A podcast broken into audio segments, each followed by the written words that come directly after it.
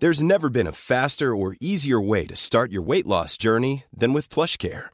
PlushCare accepts most insurance plans and gives you online access to board-certified physicians who can prescribe FDA-approved weight loss medications like Wigovi and Zepbound for those who qualify. Take charge of your health and speak with a board-certified physician about a weight loss plan that's right for you. Get started today at plushcare.com slash weight loss. That's plushcare.com slash weight loss. plushcare.com slash weight loss. Hey, it's Paige DeSorbo from Giggly Squad. High quality fashion without the price tag. Say hello to Quince. I'm snagging high-end essentials like cozy cashmere sweaters, sleek leather jackets, fine jewelry, and so much more. With Quince being 50 to 80% less than similar brands. And they partner with factories that prioritize safe, ethical, and responsible manufacturing. I love that. Luxury quality within reach. Go to quince.com slash style to get free shipping and 365 day returns on your next order. Quince.com slash style.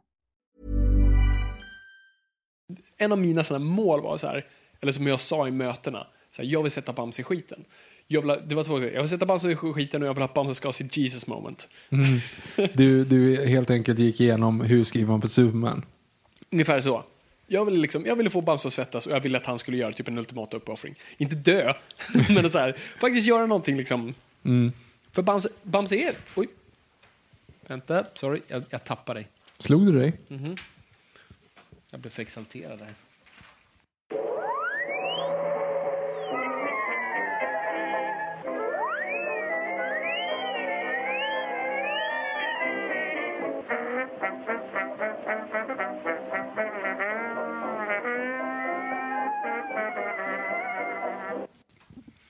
Börjar i stort sett bara. Hej och välkomna till Noipod. Det är jag som är, jag måste komma på en ny inledning. Och det är jag som är Viktor Engberg. Ja, det här är i alla fall podcasten där vi pratar om nördämnen, nördkultur i slags bildande syfte. Jag försöker bilda Viktor här i saker han tycker om men inte vet så mycket om. Och idag är en bra dag. Idag är en av de bästa av dagar. För idag ska vi ju prata om eh, någonting som vi faktiskt varit med om i själva. Det är ju helt sjukt. Vi, det har vi aldrig gjort tidigare. Det har alltid varit Det är absurt. Det är lite Inception över det här. Mm. Så att ehm, Fabian, varför sitter vi här idag?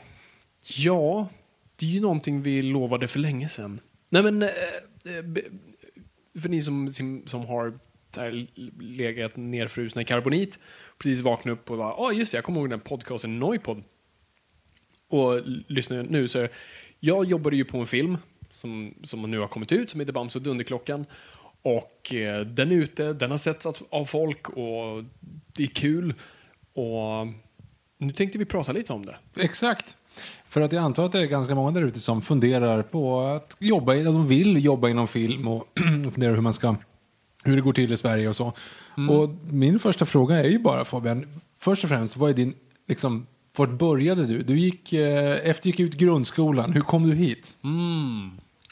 Allt började 1999. Nej, men... ehm, När du såg episod 1 eller vad? ja, precis.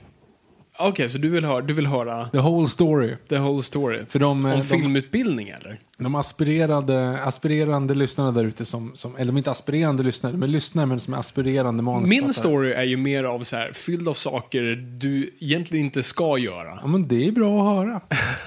Trots att jag är där jag lyckades komma, så var det inte...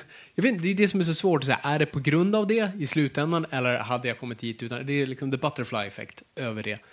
Um, jag tror bara det jag vill säga nu är, eller det jag vill säga med det här är att så här, om ni hör det här och tänker oj, det där har inte jag gjort. Det är inte en... Det är, det är inte så farligt. Eller det, du behöver inte ha gjort det.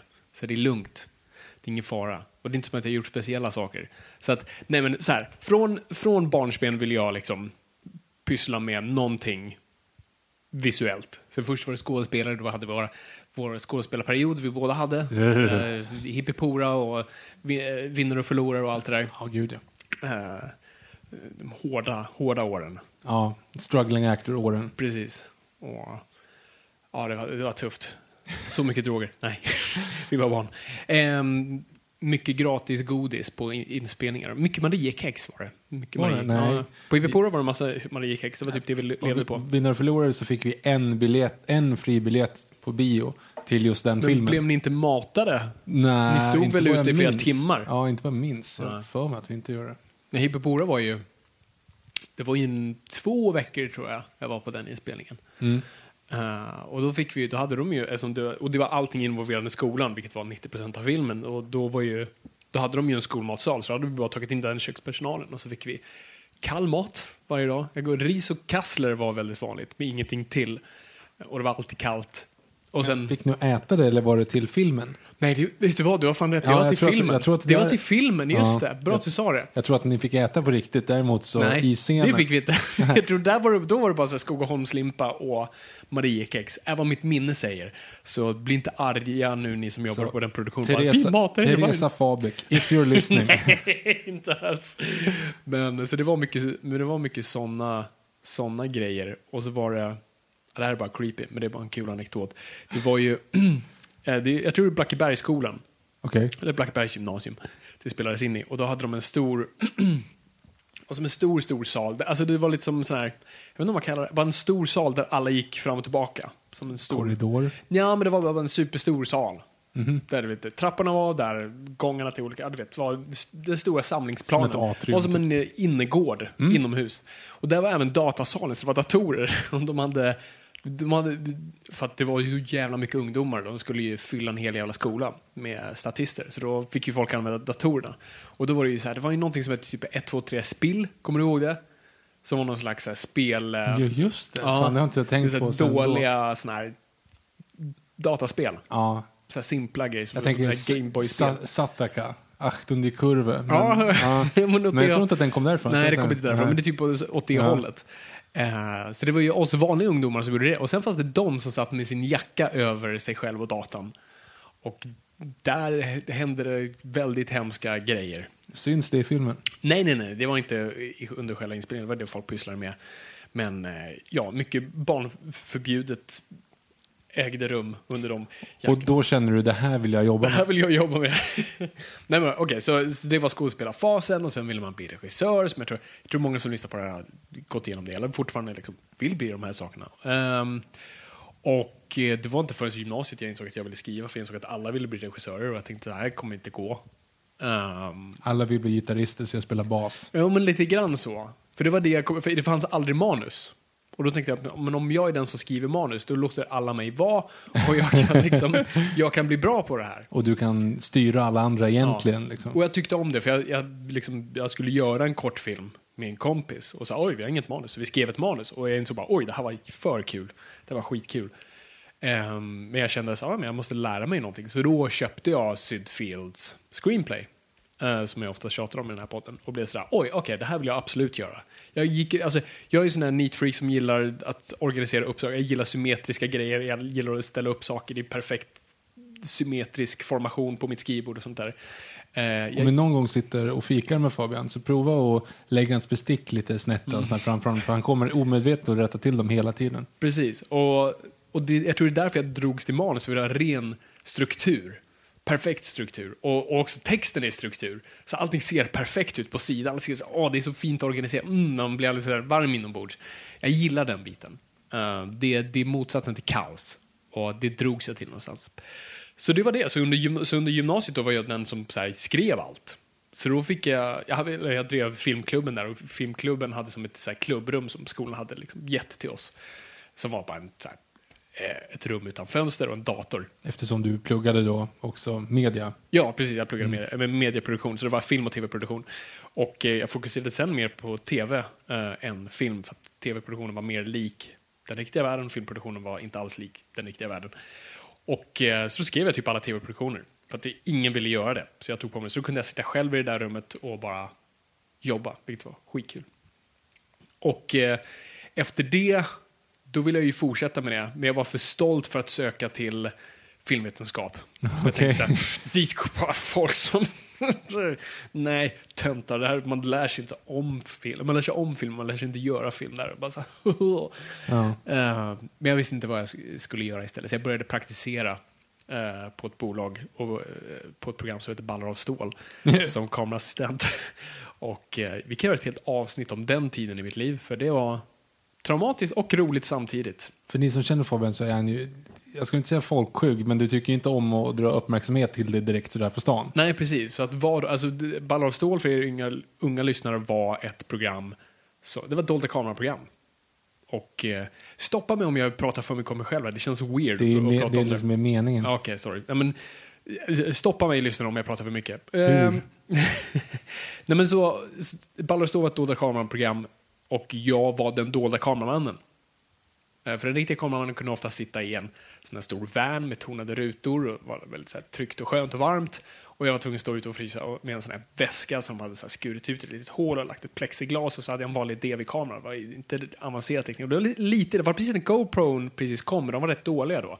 Så vi hade inte riktigt så här, nu är det ju skitlätt att bara fixa en bra dold kamera som inte syns, men det kunde vi inte riktigt göra då. Så det var jättepetigt, för jag var tvungen, vi hade sku- skurit ut ett till hål då eh, på insidan av väskan, sidan mot mig. Och där då kunde jag se den här skärmen då, som man vecklar ut från DV-kameran för att se att jag ens riktade rätt. Och så bad du alla att hej, kom för att prata lite grann i min brosch här. Ja, men typ lite grann så. Och jag vet inte om jag berättat om, jag har säkert sagt det här i podden, men det är, min, det är min favorit, det är min, min favorit, det var det jag bara, det var den värsta stunden och det var när, så det var någon karaktär som hette eh, Mamman, som var en dålig mamma och gjorde liksom obscena saker eh, framför folk, oftast involverat barn, att hon antingen var gravid, det var en gång hon gick in på apoteket med liksom höggravid mage och bad om dagen efter piller. För er som inte är här så bryter Fabian nu ihop i skratt. Den var faktiskt lite rolig. Det måste jag ge dem. Det var för sig också hemskt. För att eh, då var vi, det var, det var innan, eh, det var då det bara fanns ett systembolag. Eller förlåt, ett apotek. Eh, Det statliga. Så att, eh, okej, så nu gör jag en story i storyn. Men så det här var nära, så vi skulle göra den biten, för det gick inte heller så bra. Eller den här, det var den här som inte gick bra. Den här gick bra. För då gick jag in, jag skulle ju gå in först då på alla de här situationerna för att här, ställa upp mig ordentligt. Så då ställde jag mig på apoteket, låtsades kolla på Ipren eller eksemkräm eller vad det nu var där. Och det tar oftast en stund innan skådisen kommer in så det inte blir, alltså vi spelar in de här mitt på dagarna så det var ingen annan där. så jag ställer mig, så jag står med, typ i hörnet för att få, så här, jag måste stå så att jag kan få in dörren när hon kommer in. Men det är också ganska nära kassan där den enda personalen är. Och jag står där och låtsas kollar samtidigt som jag håller koll på dörren. Och av någon anledning så lyckas då den här personalen rikta sina ögon perfekt mot min väska och ser. Alltså såg du det så såg, var det uppenbart vad det var.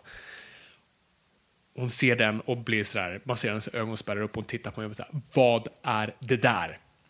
Och mitt klassiska svar är nej. Eh, och- och jag bara fryser. Hon bara, vad, vad i helvete är det där? Och hon blir fly förbannad med all rätt och superparanoid. Hon vet ju inte vad det är. Är det här liksom Nej, en espion- ja, men Ja. spionage? Alltså någon som, vet, ska, och det är ju jättekänsligt på apotek till kunder som, alltså filmar någon så är det, det är väldigt känsligt. Eh, Alltså privatbiten av det är superstor. Så hon direkt börjar bara gallskrika på mig. Det här är ett eh, statligt bolag, du kan inte absolut, du vet, ge mig din legitimation. Och jag är liksom 19, jag visste inte bättre. Nu vet jag att man inte får ge sin, eller man, ingen har rätt att kräva legitimation av dig så länge de inte är polisen. Så jag ger henne min legitimation, hon springer iväg med den. Jag bara, och jag har lite sån här intercom eh, walkie-talkie i ärmen, så jag liksom så här, alert, alert, alert, kom och hjälp We mig. got a turd in a punch bowl. Och eh, så kommer hon tillbaka då, den här eh, anställda då, med liksom en så här, papperskopia. Så här, jag har din legitimation, så jag har dina uppgifter. Men det är inte jag, det är det här bolaget. Ja, du vet, uh, hur skraj och ledsen som helst. Jag tror nu kommer apoteket stämma mig. Men det gick bra. Det gick bra. Eh, producenterna kom in rusade sen och, och räddade mig, men det var en sån här traumatisk situation. Mm, men det var inte det som var historien. den, nej, den, här- den jag mådde sämst över var när arga mamman skulle in då med sin bebis, så hade de en skådespelarbebis, eller inte så mycket skådespelare, de visste inte vad den var. Men det var en bebis och de skulle in på en porrbutik. Och hon skulle handla liksom eh, dildos. Och sen skulle hon även så här, ja, köpa en dildo till barnet som en tuggleksak. Mm. Eh, nu bryter Victor ihop. Ja, ja, fortsätt. Ja. Och då, då var det ju samma som visade där. Jag måste gå in mitt på ljusa dagen i en liksom så här ganska sleazy porrbutik. Inte de här, high-end fina som, som man kan se på, på gatan ibland som är lite sån här lyxbutiker. Utan det här var liksom, mm, det, det är skynken, det är mörktonade rutor och ja, tatuerat folk som jobbar där. Och eh, jag kommer inte ens ihåg var det här var någonstans. Det var, ja, det var, det var någonstans. Behöver inte berätta Nej, det det behöver säga var det var- låg någonstans. Men så då, då gick jag in Jag är liksom 19 bast.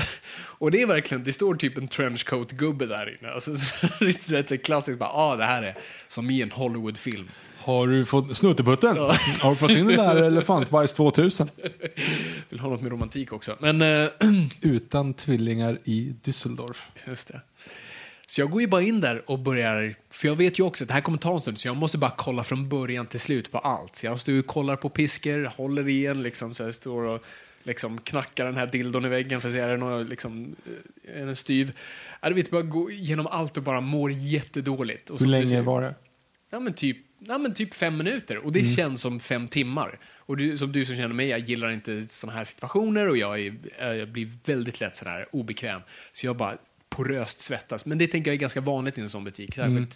Kom de fram och försökte hjälpa dig? Ja, precis. Jag kan hjälpa dig. Nej, det var inte en sån butik. Nej, okej.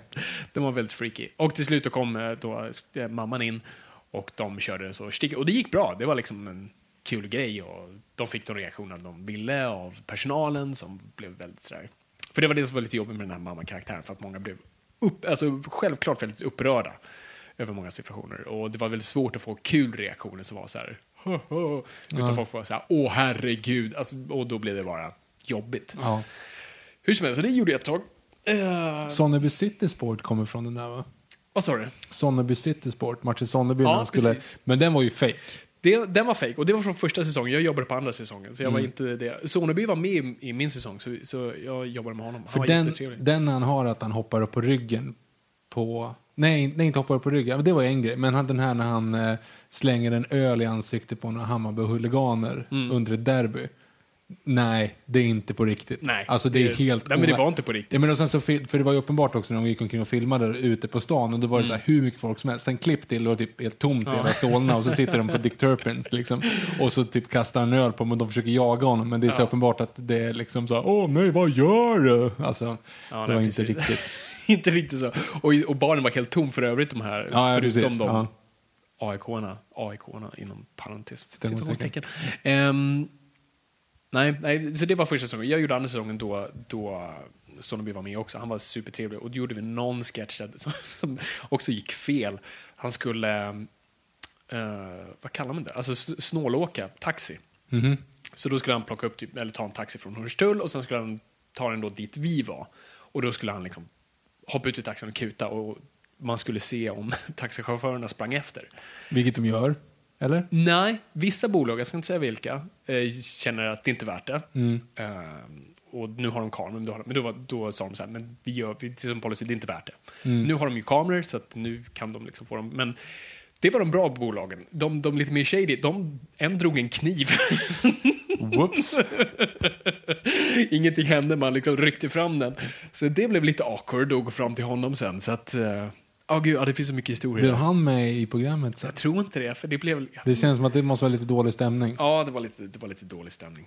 Jag tror inte jag har skrivit på något avtal, så jag tror inte jag har något sekretessunderlag, men man vet aldrig, så jag ska Ja. hålla mig lite, Äh, hålla lite försiktigt här. Men det, det är så många konstiga situationer som händer där. Och, men eh, du fick inte skriva manus då? nej, då fick jag inte skriva manus. Jag fick inte, det var- där hade ingenting, det var bara liksom, jag försökte hitta praktikplats på eh, produktionsbolag. Och här är ju också en sån här, liksom, alltså, det, det är den branschen där och det, det är ganska uppenbart så här, ingen vill ha dig där.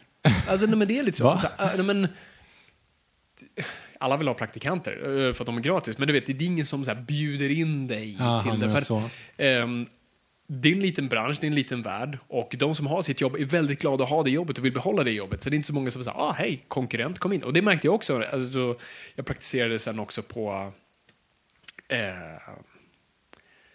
ja, det var, jag behöver inte säga vad det var, men, men jag träffade många manusfattare. Ehm, och de, de flesta var inte så trevliga. Eh, De såg en som ett direkt hot och var, försökte nästan övertala en att inte göra det. aha. Men det var också, alltså, nu snackar vi tio år sedan, det är en helt annan liksom, medievärld. Då var tv inte som det är idag. Det var, det, liksom, det var bara så pass många filmer som gjordes och alla slogs om samma yta. Nu är det liksom, tv-serier finns överallt. Du har nu via Play och du har More och alltså, både Fyran och SVT producerar mycket mer. Alltså, du vet, det är så mycket mer ut, utrymme för oss alla. Så att, jag tror inte det är samma miljö idag. Men då var det liksom, det var inte alla som ville se en ny manusfattare dyka upp. Och särskilt en så ung och naiv, glad liten person som, som jag var. Men det Eh. är väl också så i vissa branscher som citationstecken alla vill jobba inom. Ja, Alltså det är utbud och efterfrågan. jo men verkligen. Vill, vill alla vara där så är det klart att det blir sämre villkor och lägre löner och, och eh, mer praktikantjobb. Det är väl samma sak i, i journalistbranschen också. Alltså, Mm. Och det handlar också, alltså, det fyller också en funktion för där får man verkligen visa vad man går för. För jag, nu efter många år och jag, jag har många vänner i, i både film och tv-branschen och man märker de som kom längst var de, oftast, inte alltid, men oftast de duktigaste. De som verkligen låg i, kämpade, tog de där gratisjobben, men sen visade att de var värda mer så att de kunde inte sen tacka nej till dem. Och det var ju så du var tvungen att visa att, så här, visa att du är så pass bra. Vi kan komma till det i historien. Ehm, så jag praktiserade där, jag praktiserade på ett annat eh, bolag som då var tidigt streamingbolag. Eh, som var en satsning några försökte göra. Jag vill inte säga vad den hette. Men, eh, ehm, och där träffade jag en filmproducent som jag fortfarande är kompis med idag som heter Patrik Sobieski som jag tycker var en av de bästa producenterna som finns. som för övrigt, regisserade han eller producerade han? han producerar bara. Nej men jag tänkte på filmen. Filmen Vampyrer. Ja. Han producerade den. Ehm, Den gick upp på bio ju. det gick upp på bio. Det var Nonstops första egenproducerade film. För er som har sett den så är det ju den här eh, eh, vampyrfilmen i Stockholms miljö från typ 2008, Ja, något sånt 2007 där. där någonstans. Kom precis när Låt den rätte komma in. Mm. Så det blev, blev lite överskuggad av det. Men, eh, så där träffade jag Patrik och också många andra manusförfattare. Men eh, var en jättebra skola. Träffade rätt personer som var villiga att läsa ens grejer och kritisera det. Och det, är en väldigt värdefull grej. Det är den bästa skolan du kan ha. Hitta folk som är duktiga på det de gör, få dem läsa dina grejer utan motivet av att göra dem. Utan så, hej, vill du läsa och bara säga vad du tycker? Och där, det var liksom den bästa skolan jag tror jag har haft. För sen började jag ju plugga. Jag, jag kände ju så här, men jag måste, få, jag måste plugga något prestige för att komma någon vart. Mm. Eh, och det var ju Dramatiska institutet, eller nu heter det Stockholms SDDH, något som en könssjukdom. Eh, fan heter det? Jag- jag Svenska inte. Dramatiska Högskolan. Ja, Jag vet inte. Dramatiska institutet hette det först, förut. Dit ville jag in. Men eh, visste att det var toksvårt och det kostade pengar och det var, du vet, det var massa sådana där grejer. Men så hittade jag en utbildning som var liksom också väldigt hög prestigig. eh, men inte alls samma tryck på den som hette Biskops-Arne. Och de hade en att skriva dramatik hette den utbildningen. Mm. Och eh, den tänkte jag, men det, där borde, skulle se bra ut på papper. Så jag ville, jag ville plugga där. Jag sökte, kom inte in. Tänkte så, ah, men jag är för oerfaren, det är klart att jag inte kommer in. Så jag måste liksom visa även här på papper att jag kan. Så jag försökte hitta så här ganska mm, medelbra manusutbildningar. För att bara få det på papper. Så då hittade jag en, fan hette den, hette typ film och tv, någonting, alltså film, skriva film och tv i, på, i Dalarns högskola i Falun. Och de hade en, en grundkurs då som var bara tre månader. Mm. Tänkte jag tar det, då har jag det på papper och så kan jag söka nästa år till. Så, superbra. Så jag ansökte till det, kom in, insåg då att det var en treårsutbildning, men som jag bara hade sökt grundkursen. Så alla var ju där för att liksom så här, hej, bli polare, vi ska leva tillsammans i tre år och göra film tillsammans. Så jag var där så här, men jag ska bara vara här en stund. Så det, bara, det, det blev en konstig, det blev, det blev några konstiga tre månader där jag satt uh, ensam på, på mitt rum med, med en rumskompis som jag inte kom överens med. Och, ja, det var inte superkul faktiskt. Ja, det låter inte, du har inte sålt in det direkt. Nej, precis. Jag, så jag gjorde det i alla fall. Fick inte så mycket ut av det. Och, och grund, i saken är ju också, jag läste ju så mycket själv. Jag läste böcker, alltså Robert McKees story och då hade än en gång Sid Field och n- några andra böcker och framförallt manus. Och när jag jobbade för Patrik så varje manus som kom till honom gav han mig. Så här, vill du läsa det här? Så jag läste också manus via honom. Och det var den, och det är en gång den bästa skolan. Och efter det så sökte jag till Biskopsarne igen. Då kom jag in. Men som jag förstod det sen, det hade mer om att jag hade sökt en gång tidigare än att jag hade Aha. utbildat mig. Och nu tror jag inte eh, tyvärr Biskopsarnes drama, eh, skriva dramatik finns kvar. Jag tror de har tagit bort den kursen. Så jag vet inte om man kan söka den nu. Ni får kolla upp det. Ehm, så jag kom in på den och jag läste den i... Ja, nej, just det. Vet du vad det var emellan? Just det. Nej, vad Jag- var det emellan? Stoppa mig om det här är ointressant. Nej, det kör. Vi kommer till Bamse. Så, efter skriva dramatik, så... Jag vet inte vad det var. Var det bara man kunde söka varannat år? Jag kommer inte ihåg. Det var någonting i alla fall att jag inte sökte till Biskopsarne. Jag behövde någonting däremellan. Så då, skamset, med svansen mellan benen, så släpade jag mig själv till... Eh, Filmhuset i Stockholm och läste filmvetenskap. Ja, den där som du har pratat ner hela tiden. Ja. och det är liksom så här. Så här. Det, det är jättekul att gå upp liksom, på morgonen och sätta sig i en biosal och kolla film. Liksom. Det är skitkul att lära sig kontextuell analys. Men alltså, mm, vill man göra film så kanske inte det är vägen att gå. Eh, vill man bli filmkritiker, filmanalytiker eller liksom så här, doktor i film, skitbra, gör det om det är det, det du vill. Men vill du göra film, nej. Kö, kolla upp vad de läser för böcker och köp de böckerna istället.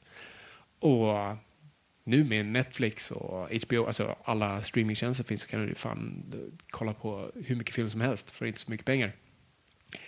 För, ja, så jag fick inte så mycket ut av det. Och det var, liksom, det var mest för att hålla igång. För att jag, jag ville bara göra någonting eh, inom film och jag kunde inte göra det det året. Så då var det bara så, ja men då tar jag någonting, fan. Så jag gjorde det. Efter det kom jag in på Biskopsarne. Så var det. Och där läste jag. Och det var så här, Biskopsarne var en jättebra utbildning, men det var inte riktigt det jag var ute efter. För det var det, oh, jag skäms så mycket för att jag, jag hade pluggat så mycket manus för att jag hade så här mindervärldskomplex. Uh, för jag tänkte så här, det kommer vara massa, liksom, alla kommer kunna så mycket där, jag kommer inte kunna någonting. Så här, bara fortsätta plugga, plugga, plugga, plugga. Och när jag kom dit, jag var typ yngst där, eller en av de yngre, och insåg att ingen där, med all rätt, och det är inget total, alltså det var jättefantastiska människor, men alltså, det var inte det utbildningen handlade om. Mhm. Utbildningen handlar om att skriva. Att få Aha. utrymme att skriva. Det handlar inte om, så när jag började prata om struktur och sånt, så var lärarna tvungna att stå på och säga, men du, det är inte det vi gör här. Men vad gör de Så jag då? måste varit jätte, framstått som jättearrogant. Eh, Så jag ber om ursäkt om det är några gamla klasskompisar som lyssnar. Tror inte det. Men hur som helst. Mm, vad vad, vad, vad, vad då att få utrymme att skriva? Så här, Hämta barnen sent på dagis så att du hinner skriva en timme? Vad är det då? Ja, nej, men ty, alltså, du skulle öva på att skriva, få utrymme att skriva mycket och få lite guidning liksom, av, av, av manusförfattare i branschen. Så det ska man ge. Jag hade jättebra eh, lärare. ehm, som heter Anna. Eh, och hon, hon är liksom aktiv manusfattare och var liksom helt fantastisk. Så första året, jag läste två år, så första året lärde man sig liksom så här, du får lära dig eller du får skriva radioteater. Och då kom någon och föreläste från eh, SR om så här, så här producerar vi radioteater. Men det var inte så mycket struktur, det var mer liksom världen. Och sen lärde jag skriva pjäs, lärde jag skriva en tv-serie, lärde skriva en film. Du vet, alltså, så de fick testa allt under ett år i stort sett. Med, och sen bara så här, skriv, skriv, skriv, skriv, skriv, skriv, skriv. Vilket också var jättebra, för det hade jag gjort minst av. Jag hade pluggat mer än vad jag hade skrivit. Så jag fick faktiskt, så det var jättebra för det, att lära sig faktiskt skriva, skriva mycket. Och andra året fick du ta på dig ett stort projekt. Så då kunde folk skriva en pjäs eller skriva tv-serie. Så jag skrev en film, filmmanus.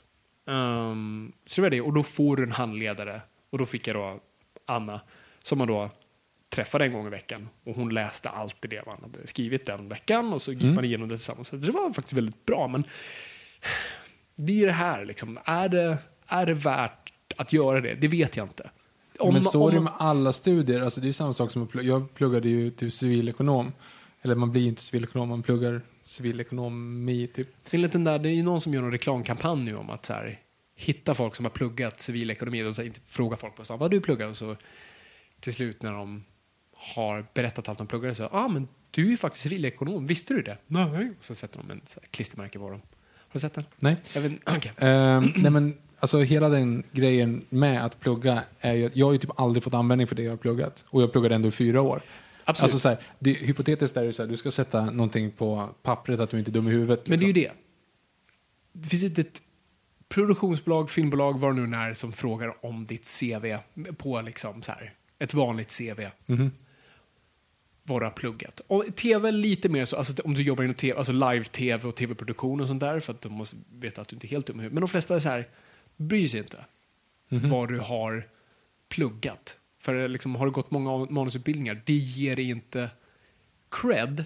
Det kan ge dig cred ibland av att ha det namnet bakom dig, som en lite så här seal of approval, men det är, eh, mer än så gör det inte. Okej. För det var det lite det som, som då hände. Så jag gick den utbildningen och blev mer lite så här frustrerad över att, och det är mitt fel, det är inte utbildningens fel, det är jag som bara inte liksom var, hade läst det finstilda. Liksom. Eh, men så hände det ett par grejer, att filmbolag kom över och föreläste, så producenter och manusfattare. Och då fick jag en ny, som, eller det var en eh, producent på ett bolag som sa, ja men vi söker lektörer. Och jag visste inte vad det var. Och hon förklarade sig. Jo, men det vi får in mycket bokförslag. Eller vi är intresserade av vissa böcker. Och då behöver vi någon som läser dem, bryter ner dem åt oss och liksom strukturerar upp det för en eventuell film. Så om de får in en bok, antingen som redan har varit en hit eller som eh, bokförlaget skickar in den som har kommit ut, så ska man då som lektör läsa boken, göra en bedömning. Är det här en film eller inte? Finns det marknad för det eller inte? Och om det finns en marknad, hur skulle filmen se ut? Så det är i stort sett bara en grej för att så här, producenter inte ska behöva sitta och läsa böcker i det, utan de ska kunna få två A4 och bara så här, och sen lägga det åt sidan. Och då hörde jag att det var det de sökte. och eh, det är så här, hmm, det betyder nog att fler filmbolag gör det här. Och jag hade lite tidigare haft kontakt med produktionsbolaget Tre Vänner. För jag hade via en vän hört talas att de sökte manus. Jag hade, jag hade fått ett möte med dem, det gick ingenstans, men jag hade träffat några där. Så jag kände, men fan, de lär i alla fall öppna sin mail. så jag mail, jag, jag, vet inte om ni ska göra det här heller, jag mejlade alla. För mm. Tre Vänner då hade, var en av de få produktionsbolagen, inget produktionsbolag hade ju någonsin mail på sin hemsida. För de visste ju, det stod till och med så här, maila oss inte manus. Eh, och det stod aldrig några mailadresser. Och det var den enda som var visste man gick direkt till skräpposten. Men Tre Vänner då hade alla som jobbade där liksom en bild och namn och mailadress. Så jag bara, mm, jag mailar alla. Mm. För det lär ju någon som sköter det där och lär veta, så då måste jag bara pricka rätt människa. Och till slut så svarade en person mig, för uppenbart har typ alla som fått mitt mail bara redirectat det mailet till den personen. Så det säkert så här, 15 av mina mejl. Mm. Så då kunde hon inte ignorera mig. Och då behövde de lektörer. Så då fick jag komma dit. Mm. Och eh, Så jag höll på med det typ ett år, tror jag. Det är ingenting man kan leva på. Alltså det, det är lite pengar och det säger de rakt Det är ingen som försöker lura. Men alltså, möda för arbete. Alltså du vet, det är inte mycket jobb. Alltså inte Om mycket du räknar pengar. ut en timlön på hur, mycket du, hur långt det tog att läsa en bok och hur mycket du fick så var det ingenting man blir rik på kanske. Nej, precis. Så, så det, var inte, det var mer för att komma in och jag var glad att göra det och jag höll inte det liksom... Jag kunde ha gjort det gratis. För jag ville bara vara där och jag fick träffa nice folk och ha kommunikation med dem och allt sånt där.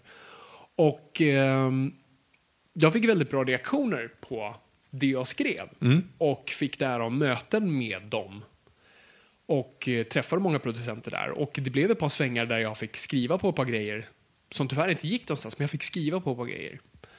Och det var skitkul. Och eh, de, här, de som tog hand om oss lektörer, det var lite olika personer från och till och sen blev det en övergångsperiod. Tre vänner blev ju SF sen och allt sånt där. SF Studios. SF Studios. Och eh, så det var ju liksom ibland så bytte de person, så då började man prata med den personen. Och varje gång det blev en ny person så var jag väldigt sådär trevlig och sa hej, om du vill ta en kaffe och lära känna mig så kan vi göra det. Och det, och det var oftast det man gjorde. Och eh, en dag så skrev jag då en sån här rapport och fick en ny mailadress att skicka den till. Och det var någon som hette Thomas Tivemark. Och eh, jag inte varför jag inte reagerade, jag tänkte inte bara på det. Här, det är ju ändå the Thomas Tivemark ja, om man kan sin svenska manushistoria. Om man liksom jobbar, för, jobbar för tre vänner så bör man liksom mm. Han är alltså en av de tre vännerna. Mm. Han har skrivit Svensson Svensson, Bert, Cleo. Han skrev på uh, uh, Yrrol också. Eller Lorry. Lorry. Mm. Uh, han skriver på massor, alltså du vet en sån här legend. Han har skrivit allt du gillar typ. Precis och en bra skådis i sin egen rätt och allt sånt där. Så jag skickade då min grej till honom och, och sa samma sak. Så här, Hej, så här, mitt namn är Fabian, jag gör rapporter. Om du vill så kan, vi, kan jag ta liksom, en kaffe. Och eh, så jag gjorde, så han sa absolut. Så jag kom förbi och gjorde det.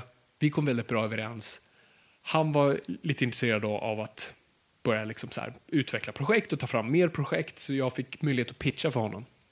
Så jag pitchade ett antal projekt och eh, vi bara klickade liksom. Och till slut en vacker dag eh, så sa han bara så här, du vi håller på med, jag vet inte om du vet, men vi gör Bamse-filmerna och vi kommer göra en tredje. Eh, vi har en story-idé. Jag kommer vara med och skriva den. Eh, men vi har en story-idé. Kan du, kan du ta en titt på det? Så, ja, absolut. Jag var liksom bara så ärad att få läsa ett stort projekt de hade. Men liksom inga andra intentioner i mitt huvud. Bara så här, shit, fan vad kul. Så jag tog hem det eh, och, och läste det. Och samma dag, då du var med, Vi skulle spela in podden. Vi skulle spela in podden. Och jag hade inte ens hunnit läsa det. Så får jag bara ett eh, samtal från Thomas. Han säger så här, fan, vet du vad? Skulle inte du bara vilja skriva det med mig istället? Mm. Absolut, Thomas, jag gör det jättegärna. Viktor! jag tror jag stod i duschen. Ja, alltså Victor duschar vanligtvis inte hos mig. Vi hade, vi hade tränat. Ja, det är den bilden när du har Argo Fuck Yourself på Ja, just det. Så det t-shirten kan, då finns det ett datum på Ja, det är exakt datum på. Den finns på vår eh, Instagram. Instagram. Jävlar. Mhm. Eh, nej men så, det var helt sjukt. Eh, och det är än en gång liksom så här, rätt, rätt ställe på rätt tillfälle. Mm. Och det var helt sjukt. Och, jag, och liksom, Thomas lyssnar uppenbart inte på det här, men jag är liksom, Thomas Tidmark, if you're listening. If you're listening. Ja, men jag är så tacksam att liksom, han och sen och han måste ju övertala producenterna och SF att säga hej, jag har en 25-åring här som inte skriver som någonting. inte skrivit någonting. Man har hängt i korridorerna här i ett par år och liksom, jag, jag tror på honom. Och det måste ju han ha sålt in. Och sen att producenterna väljer att göra det och sen att jag träffar producenterna och de, alltså alla har varit så sjukt jävla schyssta genom hela den här processen. Det har varit sån här, det har varit så pass bra så jag tänker så att så här bra kan det inte vanligtvis vara. Det här är liksom once in a lifetime, once in a place. Du vet, alla har varit helt otroliga. Och superschyssta när jag har vanligtvis varit där man inte är som bäst behandlad som ung aspirerande inom mediebranschen. Det är, det är liksom bara så det är. Men de har varit så helt fantastiska. Från början till slut och fortfarande är. Liksom, hör av sig. Så, ah, så, här, så här många har sett Bamse nu. Och, alltså, alla är så exalterade. Och det är så kul. Och det är så viktigt att jobba med folk som så här, ger en energi och inte suger ut energi, vilket också är vanligt i media. Så att eh, bara där, liksom, helt fantastiskt. Eh, så ja, Nej, men så, så det var så jag fick Bamse. Så vi började jobba tillsammans då. Och eh, Hit the ground running, det var, en pro, det var ett projekt som redan var liksom, som redan rullade. Så jag hoppade ju på det. Så det var ju inte den här tiden, så, ah, nu har jag ett halvår på mig, nu, jag kunde inte gå method. Och Läsa nu, så här, nu ska jag ja. läsa varenda Bamse-serietidning, kolla varenda grej och liksom, så här, jag ska gå till Kolmården och hänga med Bamse. Och, Leva som en av dem. Precis, jag ska sova i hans hus där och bara äta honung. Jag har diabetes nu. Ehm, så, så det var bara så här kuta, så jag sprang sam... Dagen efter det så sprang jag till Comics även.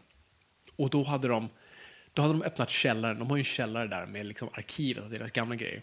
Och där hade de så här gamla Bamse-volymer av de, så här gam, de första publicerade som då Rune gjorde. Så jag plock, plockade första volymen och köpte den och så här, det här är nog det jag behöver. Och jag hade inte tid än en gång. Alltså det, var, det var så pass tätt inpå och snabbt att jobba. Jag, liksom, jag, det fanns inte tid att säga, vänta får jag bara läsa de här grejerna? Jag var tvungen att kasta mig in i det ganska snabbt. Och ju, jag ville samtidigt inte retroaktivt liksom läsa heller. Så jag försökte jobba mig samtidigt i början och sen bara valde jag att släppa alltihop. Och liksom så här, bra nu kan jag grund, jag är uppvuxen med karaktärerna, jag har sett de andra filmerna, jag vet liksom, jag kan världen och karaktärerna. Nu gör vi vår grej. Och ehm, det var en grej som var ganska coolt för i en tidigare manusversion, en av de tidigare så skrev jag in ganska mycket roliga sådana här, som jag gillar universum-tänk, så skrev jag in lite som att allting som har hänt i Bamse har hänt. Det här är liksom, de här gamla tecknade serierna, det har hänt. Så jag skrev in lite roliga, vad ska man säga, anekdotiska, nudge, nudge. Ja, nudge, grejer.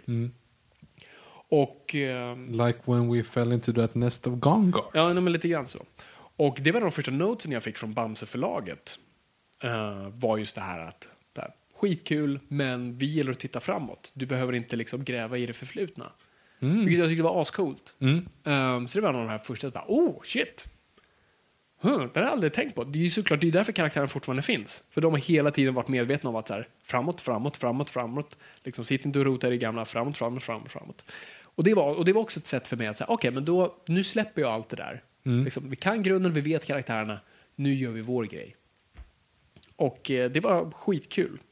Hur var första mötet?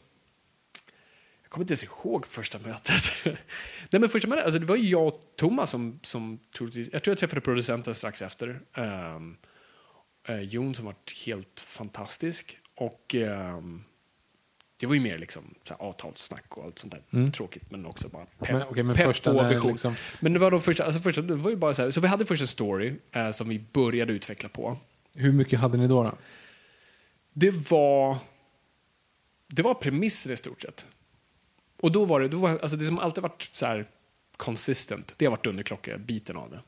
Alltså, okay, så ni som inte har sett filmen, och det är så här, filmen handlar om nu att ehm, dunderklockorna som då är det hemliga receptet i dunderhonungen, det är en blomma, eh, brinner upp eh, på farmors vind.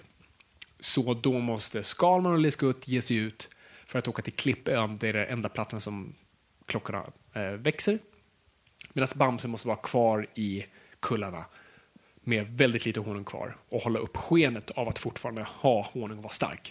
Men samtidigt smider Reinhard Räven plan med vargkusinerna av att delvis konkurrera ut Bamse, att han ska bli den nya hjälten i stan och därför kunna konkurrera ut Bamse och sen kunna styra skurkarna och liksom att de kommer kunna. När Bam, så om vi konkurrerar ut Bamse och Bamse inte behövs längre, då kan vi göra vad vi vill. Samtidigt som de har fått nys om att det finns en skatt i uh, Gammelskogen. Ah. Så det är liksom plotten. Och så Dunderklockan var alltid där. Det var en, en, en annan story i början. Eh, jag ska inte säga för mycket. Men eh, som, vi, som vi testade. Och som vi sen inte riktigt var nöjda med. Så vi, vi ändrade. Och, eh, så vi höll på ett bra tag först med den första storyn. Jag tror vi skrev nästan ett helt, kanske ett helt manus med det. Och sen kände jag bara, nej men det här känns inte rätt. Vi, vi, vi går en annan väg. Så då gick vi en helt annan väg med liksom, den andra plotten som inte var Dunderklockan. För den har varit nästan densamma hela vägen. Och... Eh, ja, nej, men så mötena, det var ju liksom jag och Thomas som satt och spånade. Tillsammans, vilket är liksom de bästa stunderna i mitt liv. Sitta med den här mästaren. Alltså så här, Yoda. Ehm, Som kan dra referensen. Eh, när jag skrev det här skämtet i Bert i Storskulden ja, så... det, är det, han gör ju inte det. För han, har, han har inte integritet den mannen. Men jag var ju en fanboy. så jag så här, frågade honom hela tiden. Så här, men hur var det liksom Bert och allt sådär. Så, alla de här karaktärerna, bakgrund, hur gjorde ni? Ja, Du vet allt det där. Så jag var ju... Drog du skämtet, eh, det var två fåglar som var ute och... Nej, jag Ah, gjorde inte det. Men jag var ju bara så himla... Ja, men jag, jag beundrar honom så satans mycket. Han var en så otroligt ödmjuk, fin person också.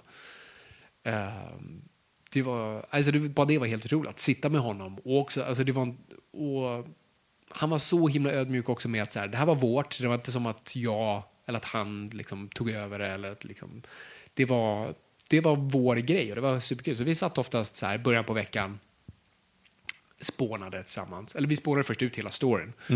Ehm, och sen brukade vi göra så att jag, så vi la, la liksom rälsen tillsammans. Jag typ gick första biten, så jag kanske skrev tio sidor. Och sen gav jag det till honom och så skrev han om det. Och sen så gick vi igenom det tillsammans. Sen så skrev vi tio sidor igen och sen så fram och tillbaka, fram och tillbaka. Och det var en jättebra process och hur kul som helst. Men sen är det också annorlunda med animation, för det är en helt annan manus, liksom, eh, vad ska man kalla det? Process. För att med film är det ju mer, alltså du har manuset, du, du, liksom, du skriver om det, producenten kollar på det, du gör några omskrivningar och så sköter regissören och sådär. Men sen är ju manuset låst. Och då går du och filmar det. Men animation är ju så här, du gör lite hela tiden, du kan alltid göra lite små änd- ändringar. Så att du var ju hela tiden liksom på givakt om att så här, nu kan någonting ändras. Och det var man ville göra. För oftast var det alltid av, alltså, eller det var alltid av de bästa anledningar. För att eh, Christian som, som regisserade den, han kom in sen då senare i processen och då hade han åsikter. Sen har du ju eh, Maria som är röstregissör och hon hade synpunkter. Alltså, vet, och det det var flera led av revisioner. det är Maria, som, liksom... Maria som för övrigt har skrivit eh, Masjävlar som är Precis. en fantastisk film från 2005. Gud ja, Maria Blom. Mm. Mm. Ehm, och... ehm, så det är också en sån här speciell upplevelse. Som känns, det känns väldigt mycket som Pixar, för er som har läst på hur Pixar gör. Det är inte alls samma sak, men det är väldigt nära. Alltså det, du skriver på det under en längre tid. Alltså kanske ett vanligt manus skulle du kanske skriva på ett halvår. Och sen låser du det manuset och så går det till produktion. Jag skrev på det här manuset i nästan två år. Inte konstant. Jag kanske skrev på manuset konstant i ja, lite över ett halvår, närmare ett år kanske, nio månader.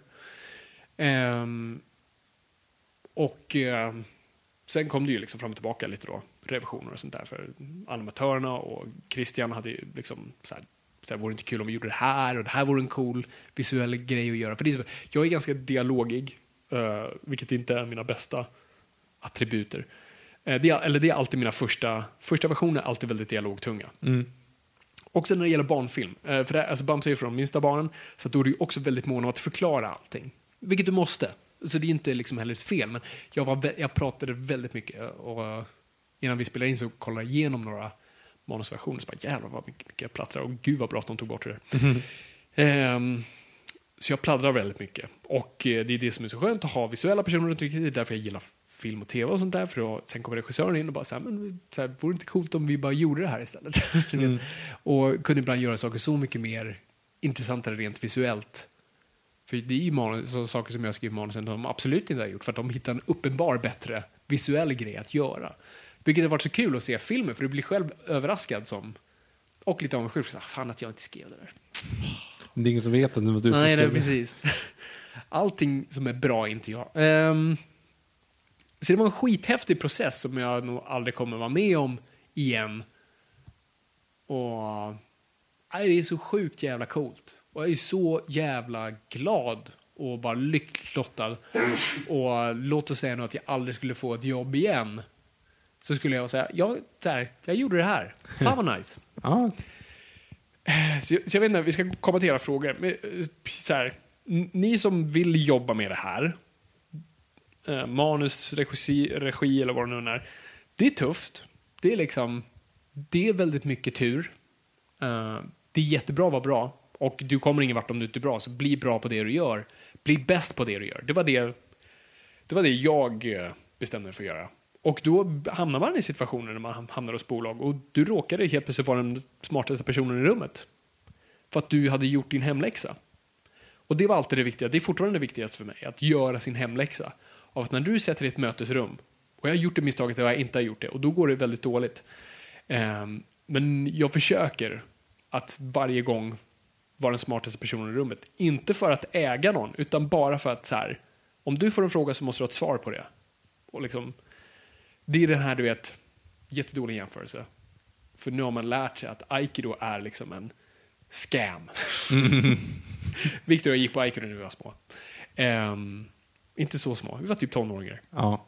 Och där handlar ju som med all kampsport, som så här, riktig kampsport som typ jujitsu och inte aikido. Men det, det använder lite samma teknik i form av repetition, repetition, repetition, repetition för att det ska sitta i märgen på dig. Att sen när det kommer ett slag, då, vi fick här slag, vi fick när någon kom med en handflata rakt över huvudet på dig. Så Kunde du, Kunde du parera? Om, om den personen stod med höger fot fram och vänster fot bak och du stod med vänster fot fram och höger Alltså var väldigt, väldigt den specifika. optimala, Ja. det är rätt kul, det måste jag visa dig på Joe Rogans podcast. En av hans favoritgrejer är att se såna här aikido-människor som tror att de liksom är gudar träffa typ en MMA-person och fight. Och det går på två sekunder så är de liksom borta, de är liksom på marken. Ehm, så det är en scam. Men hur som helst, vi gjorde det. Och det är lite samma grej där. Att så här, kan dina, om du kan dina grejer, då kan du ta vilket slag som helst och då kan du liksom jobba i vilken situation som helst. Och det tror jag är superviktigt. Egentligen allt du gör. Alltså, Ja, det funkar likadant Ja, det funkar i- marknadsföring. ska jag säga. Precis. Nej, men liksom, var, var den smartaste personen i rummet, men också den ödmjukaste över det. Försök inte äga någon, försök inte liksom trycka ner någon med det du kan, utan bara liksom, när det behövs så kan du svaret. Eller så har du svaret. Och det är det jag alltid försökt göra. Och ehm, så det är väl komma med det säga att det är tufft, det är skit, det är jobbigt, det, är inte lätt att ta sig in. Jag uppmuntrar er att försöka ta er in. Är ni duktiga så kommer ni ta er in. Ehm, men ibland handlar det bara också om tur, tyvärr. Rätt person, rätt plats. Men om man säger så här då, om, var ska man börja? Om, händer det, alltså finns det ens på kartan att jag sitter här på mitt pojkrum, skriver ihop ett, ett filmmanus som jag tycker är skitbra och så skickar jag det till Felix Herngren. finns det en chans i helvete att han läser det, tycker att det är bra och det blir en film av det? Den exakta situationen som du precis drog upp, nej. det tror jag inte. Som sagt, ingen vill, alltså det, och det är en sån här Hollywood-grej. Jag tror, jag tror också eh, Olen Gomez skrev liksom, ingen vill läsa ditt manus. det är så. Nej. Ingen vill läsa ditt manus. Nummer ett, manus är jättetråkigt att läsa. Eh, det tar tid och du tar på dig någonting och helt plötsligt om du tar på dig det har du riskerat företagets liksom, finansiella eh, framtid. För att ta, att ta på sig någonting, så här, det är jätteriskabelt. Det är ju flera miljoner i spel. Så det, Det är det, ingen, om, om filmbranschen fick bestämma skulle ingen, ingen film bli gjord. För då skulle, men du vet. ehm, jag vet inte, alltså det är det, det är det som är svårt. Jag, jag är så glad att jag fick möjlighet att så här, jobba mig upp jag, och jag gillar den biten av att så här, börja någon annanstans. Börja, alltså jag jobbade och det, det nämnde jag inte i storyn, jag jobbade ju också sen med Patrik. Han gjorde ett antal kortfilmer som jag praktiserade på och jag serverade mat. Jag hällde upp kaffe. Jag liksom sprang till en skådis och gav te. Och, och, och sen fick jag hjälpa till att vara attributör, alltså den här personen som ser till att vinglasen i scenen har exakt samma mängd vin i varje bild så att det, liksom, det funkar kontinuitetsmässigt. Och eh, göra sådana grejer. Och visst, leder det till större grejer? Mm, kanske inte, men jag lär mig jättemycket. Och jag kunde prata med skådisar, ganska etablerade skådisar, med författare, med regissörer. Liksom när du sitter där under lunchen, det, det är fan ett bra tips. Var en bra caterare. Du blir snabbt väldigt poppis om du har bra mat. Och jag lyckades fixa bra mat, så då var jag väldigt poppis. Ehm, så att, att jobba sig upp från grunden är ingenting man ska se ner på alls, snarare det är det man ska göra. Hellre det än utbildningar. Och eh, det är svårt, men det är så här, när jag fick Ballar av stål, det var för att jag skickade ett mail till produktionsbolaget och det är såklart de svarade när jag sa att jag kunde praktisera, alltså jobba gratis. Och det är, inte, och det är verkligen inte att så här, sticka under stolen med att du blir utnyttjad. Det är så det funkar. Men jag känner ingen, ingen jag känner som är aktiv i branschen idag, film, inom så här, eller tv, live-tv eller tv-program, har inte, Jobba, jobba gratis. ja, precis, har inte, inte jobbat gratis. Alla har jobbat gratis. Så det tar en någonstans faktiskt. Sen ska man ju inte låta sig själv så här, hålla på i flera år och jobba gratis. Alltså, du vet, sen inser du att du är värd någonting och att du, jag vill inte säga förtjänar, för ingen förtjänar något. Eh, Nobody knows anything. Precis, nobody knows. En av mina favoritcitat är eh, “Nobody deserves anything and thank God we don't get what we deserve”. och det är lite så här, mitt livsmotto. Att så här, jag förtjänar inget av det här ehm, inför andra. Liksom, jag, har, jag har ju mitt värde och det är ju det. Men det är, liksom, det, är det jag håller för mig själv. Liksom. Men eh, visa vad du går för så kommer folk upptäcka om du är bra så kommer folk vilja jobba med dig. Om du är trevlig så kommer folk vilja jobba med dig. Folk vill alltid omringa sig själv med talangfulla, trevliga människor. Så var det. Det är liksom, det är... Eh, så jag vill inte vara sån, men de här som då tror att de har skrivit en ny Citizen Kane när de är 17 år gamla och har en, en krånglig frisyr och tittar på svåra filmer och förstår och tycker att de är helt missförstådda. Vad, vad har du att säga till dem? Pratar du om 18-åriga Fabian nu? Nej, det gjorde jag faktiskt inte. Jag Mitt första kortfilmsmanus var ju det här. Ja, ja, men det här är ju ett mästerverk. Shit, alltså att jag går runt på stan nu och folk vet inte att de tittar på ett geni. Det var lite det jag fiskade efter, men det var du som sa att det var du. Nej, men alltså, det måste ju finnas så många där ute som tror att de har fixat det, som, som ser någonting som ingen annan ser. Och jag, jag antar att det är otroligt svårt. Ja, nummer ett så har de inte det. Nummer två är det jättebra att de har det.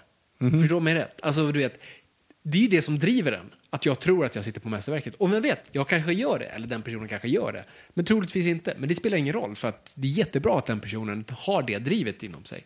Och eh, det är ju så man får saker gjort. Det är då du bestämmer dig för det. Så Jag gjorde ju kortfilmer också själv med vänner och sånt där. Och jag skrev ett sånt där manus som jag var 100% säker på. Jag tyckte att det här är skitbra. Varför har ingen tänkt på det här? Och det här är liksom... Vi kommer komma långt med det här. Det här är liksom min, så här, mitt stora break när den här kommer ut. Och vi filmar den och det känns bra. Och uh, sen ser den liksom ihopklippt och bara, fan det här är skit. och jag sa det till liksom, regissören och, och alla, så, det här är mitt fel. Jag tar på mig det här. Sorry, det här var dåligt och det, var, liksom, det är uppenbart fel på manuset. Sorry allihopa. att jag drog in i det här. Jag hoppas ni fick ut någonting av det. Men det här var inte bra. Och det är mitt fel. Eh, men det var bra att jag hade det drivet, att jag trodde att det var. För det var ju det enda jag kunde tänka på när jag gick och la mig på kvällen. Så, oh, gud. Och så tänkte jag på det här projektet och bara, åh oh, vad det är bra. Hmm, hur kan jag göra det bättre och sådär. Det viktiga är ju också att du presterar, alltså presterar också, inte bara tänker på hur bra saker är. Försöker göra det bra som du tror att det är. Och till slut kanske det blir bra. Uh, för ju mer jag sen skrev, alltså nu när man lä- jag kan inte ens kolla på mina, läsa mina gamla grejer och liksom, nu skriver man saker som man tycker, och nu är man mer så här, mm, ja men det här var okej. Okay kan bli bättre. Och då känner man att man har landat lite. Man Man har inte samma hybris, men ab- absolut ibland när man, man tänker så här, hmm, Bamse kanske blir den så första svenska filmen som vinner en Oscar för bästa animerade. Jag vet, bara Lugnt, snap out of it. snäppar av ett 18-åriga Fabian, du har inget här att göra. Och så får man bara vara ödmjuk och säga, fan jag fick göra en film. Mm. Så här, Alltså så här, jag har ju några stickspår, men jag har ju några sådana liksom. Bocka i, checka i de här boxarna, då är du någon. Mhm. eh, jag vet en av dem. ja, det ska ju finnas på IMDB. Ja, Okej, ja. det har du gjort. Bort Du ska ju sitta i Nyhetsmorgon. Ja, det har vi gjort. Har du gjort. Båda har Eh, gjort. Och sen är det sommarpratet. Ja, den är, den är för mig också. Det är en sån här... Sommarpratar du, då är du, då är du, Då har du liksom, gjort då är det. du odödlig. Ja, jo, exakt. Så det är väl Eh, nästa mål. Och sen så blir det också de här som är lite längre. Och jag skulle, jag skulle ändå lägga in, det finns ju några till sådana, men, men den som är störst är ju julvärd. Då, då, då, då, är du- onålbar. Ja, precis. Då är du gud. exakt. ja, men, men, så den, den är lite så den är för far-fetched. Ja. Men sommarpratar du, då är du liksom, då är du odödlig. Ja. Absolut. Absolut. Det, jag, det, det var den jag menade, att jag vet Mm. vilken du menar, för jag håller helt med. Ehm, nej, jag finns på IMDB och vi var på Nyhetsmorgon. Det är helt Ja, ja det, det, IMDB har jag. Det var därför jag tyckte att du kunde skriva in en scen med två sorkar som har en podcast. Ja, att, vet. att åtminstone fick en, så här, en voice credit. Så att jag finns på IMDB som Om, voice credit. om det hade kommit med så hade säkert någon bara, va? vi har inte med det där. Smartare huvuden hade vunnit där. Ja. Så att, eh, ja, jag vet inte, vi kan komma över till frågor. Jag vill bara säga liksom så här, on the record, här, stort tack till SF, alla på SF. Tack till Thomas, Jon, Ina, eh, Christian, Maria. Och så, folk jag säkert glömmer nämna, liksom, det här låter som ett Oscarstal. Nej, men, eh, jag vill bara tacka så hemskt mycket för, för, för möjligheten och jag är bara så lyckligt lottad och glad. Att så här, som ändå serietidning superhjälte. Jag fick skriva en serietidningsfilm med superhjälteteman. Och så, det är liksom... I did it. You did it. Ska vi över till frågor? Vi går först till reklam. Ooh. Mom deserves the best, and there's no better place to shop for Mother's Day than Whole Foods Market. They're your destination for unbeatable savings, from premium gifts to show-stopping flowers and irresistible desserts. Start by saving 33% with Prime on all body care and candles. Then get a 15-stem bunch of tulips for just $9.99 each with Prime. Round out Mom's menu with festive rosé, irresistible berry chantilly cake, and more special treats. Come celebrate Mother's Day at Whole Foods Market. When you're ready to pop the question, the last thing you want to do is second guess the ring. At Bluenile.com, you can design a one of a kind ring with the ease and convenience of shopping online. Choose your diamond and setting. When you find the one, you'll get it delivered right to your door. Go to Bluenile.com and use promo code LISTEN to get $50 off your purchase of $500 or more. That's code LISTEN at Bluenile.com for $50 off your purchase. Bluenile.com code LISTEN. Planning for your next trip? Elevate your travel style with Quince. Quince has all the jet setting essentials you'll want for your next getaway, like European linen, premium luggage options, buttery soft Italian leather bags, and so much more. And is all priced at 50 to 80% less than similar brands.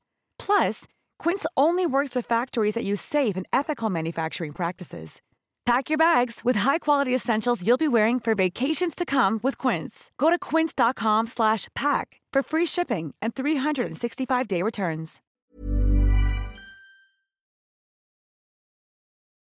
Då ska vi se vilka frågor ni har ställt på Instagram och Twitter. Och inte under hashtag Noipod som vi alltid säger, utan helt enkelt på, den På här en. bilden där vi skriver Kan jag säga eh, på at Noipod? ställ en fråga. På at Noipod, låter konstigt. Mm, det är weird. För det är ju på och at är ju samma sak. Som ni har ställt at Noipod.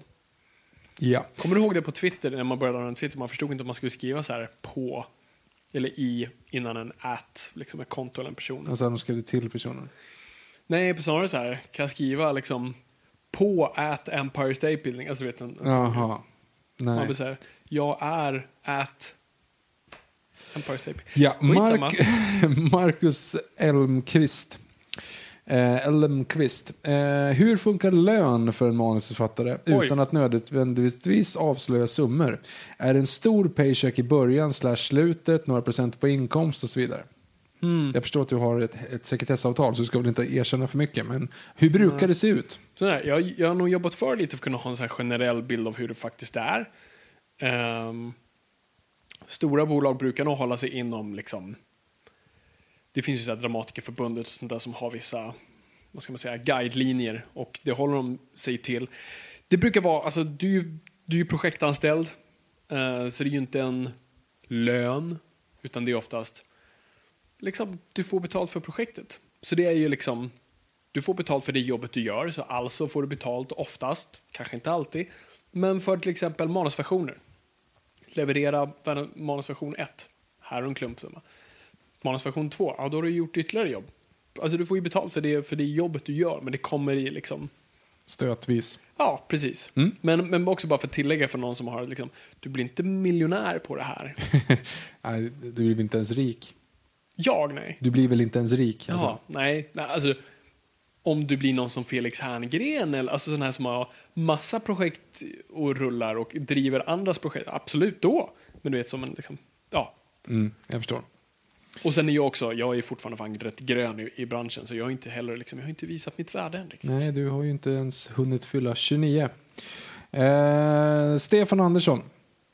Först och främst gratulera till både filmen och till äktenskapet. Åh, Inget tack. dåligt avslut på 2018 och början på 2019. Nej, det är sant. Nu till frågan. Hittade du Fabian någon favorit Bamse-story när du började läsa upp på karaktärerna? Hmm. Det var en intressant grej, för att jag började ju läsa. Och det jag ville hitta var sådär, inte en story att adaptera, jag vill ha en story som blir så här. Det är sort of rhyme. Ja, nej, men jag ville hitta en story som funkade tema, inte tematiskt, men så här, stämningsmässigt med det jag ville. För en av mina sådana mål var så här, eller som jag sa i mötena, så här, jag vill sätta Bamse i skiten. Jag vill, ha- det var två saker. Jag vill sätta Bamse i skiten och jag vill att Bamse ska ha sitt Jesus moment.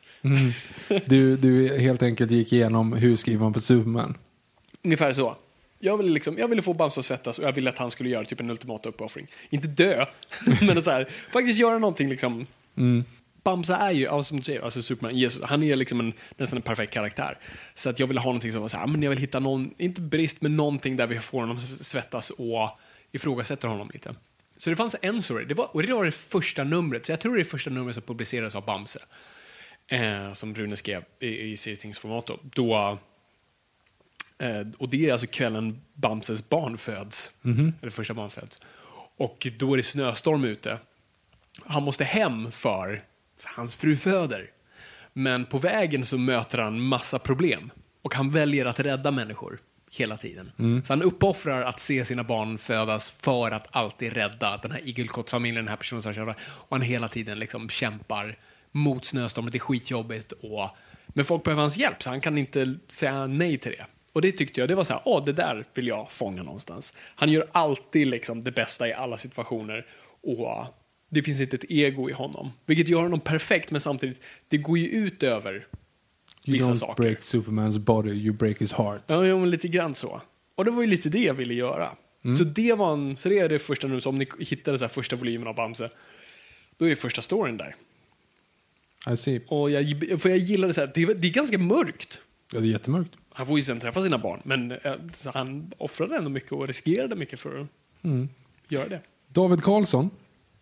Fint jobbat Fabian. Tack! Fick du vara med något under själva animeringen slash efterbearbetningen av filmen? Och vad kan du i så fall berätta om den processen? Jag jobbar själv inom filmbranschen inom parentes med spelfilm. Och vet hur mycket väntan det ofta blir mellan tagningarna. Måste vara uppenbart mer långdraget att vänta på renderingen av bildrutor till en animerad film.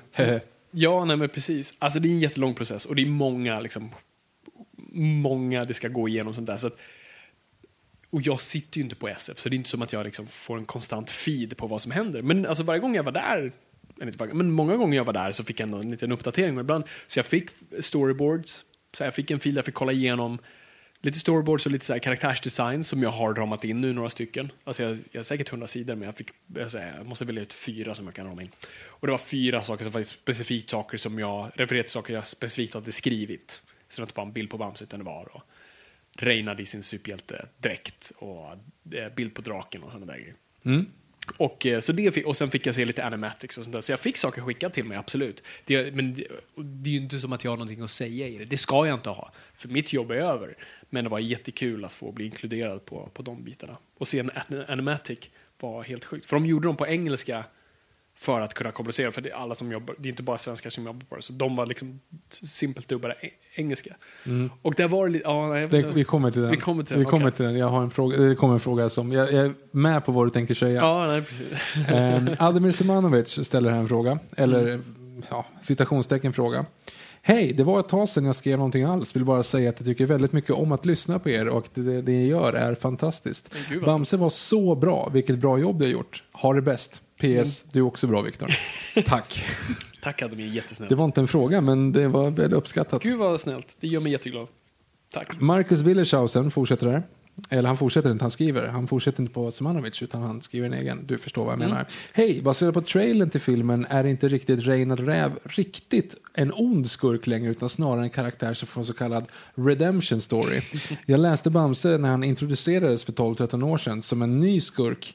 Eh, Så min fråga till Fabian är, hur var det att göra den karaktären till något annat än han tidigare varit? Nej, det vi gjorde var ju att ge honom ett kärleksintresse. Så att vi hade någon slags... Eh... Det är svårt att bara skriva någon som är ond. Och vi hade lite det problemet, för vi diskuterade ett tag att göra Krösus. Och min grej var lite så här, men Krösus är bara girig. Han har ingen liksom, egentligen agg mot Bamse. Bamse är bara i vägen. Och han vill bara ha pengar. Det finns inget mer, tycker jag. Många älskar Krösus. Jag liksom, personligen är inte så superfan. Eh, Men Reinar var mer intressant och vi kunde göra honom mer intressant för han, det finns ett större spektrum med honom. Så här, det gjorde inte riktigt med Krösus och, Krösus och då kunde vi ha, vilket jag tror är kanon att han är lite förtjust i Mikkelina. Eh, Älskar att du använt canon. Ja. Så vi, vi drog in Mikkelina i plotten då.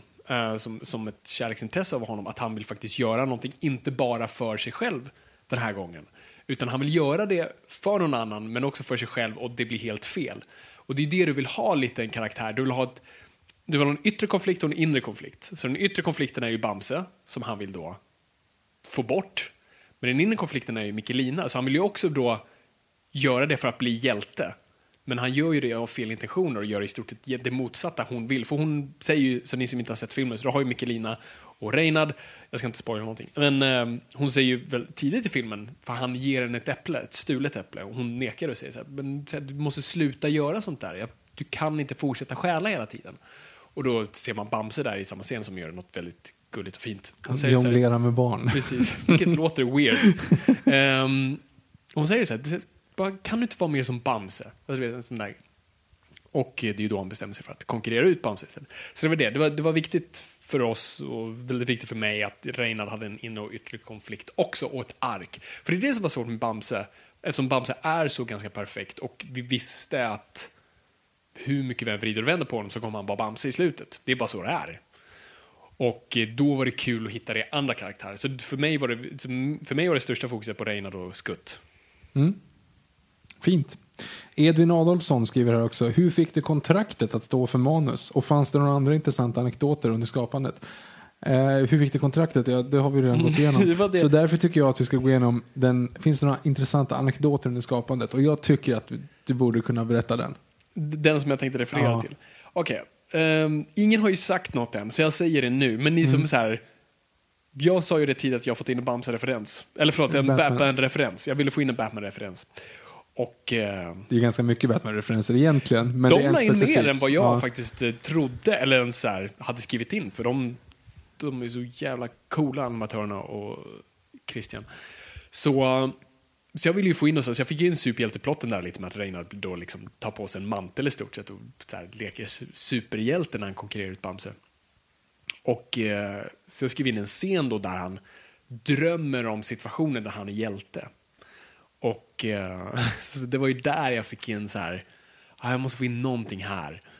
Och inte nog med att han, han ser ju mer ut som Superman med, med dräkten och sådär, men jag ville få in någon replik och jag tänkte så här, vad kan jag få in för replik? Och då, eftersom det är lite gammaldags, det är lite så här gamla heroiska, så tänkte jag, ja men då vore det kul att få in Batman-repliken från Detective Comics nummer 27, vilket är A fitting end for his kind. Så då skrev jag in att Reinhardt säger, jag ska allt finna er ett passande slut. Nej, jag ska finna ett passande slut för er, er, För er sort, sort, just det. säger han. Just det, till och med, så det är ännu Mm, mer likt. det är- det är verkligen- För er sort. Ja. Ehm, så jag skrev in den och så här, det här kommer inte komma med. Eh, och sen var det just kul under animatiken då, ehm, då det läses in på engelska. Och då kollade jag igenom det och då, säg, då sa Reina just det här. I will find a fitting end for your kind. Och det var så här, wow, och då var det som perfekt översättning i det hela. Så att de liksom, det blev som en referens på en referens. Ja, det sort of rhyme. Och sen då i slutprodukten så har de ju med det. Och sen la de in ännu mer. Hela den här sekvensen gjorde de som en, inte en spoof, men som en sån här pastisch på eh, Batman 66. Med pow, swing och allt Mm. det där. Och så, får, ha, och så till och med när så alla tidningar, det kommer upp så här, så här snurrande tidningar, så här, nya. Så, och då är det även, en tidning refererar till, om det är Action Comics eller Detective Comics, jag kommer inte ihåg vad jag heter. Ja, och Fantomen är ju också... Ja, just det. Det är mycket tidningar. Så det, så, de fick en jätte, Ja. så det var så mycket mer serietidningsgrej än vad jag ens hade vågat peta in. Så det var så himla kul att de liksom snappade upp den energin och bara went with it. Så det var en kul grej Mm. att få in.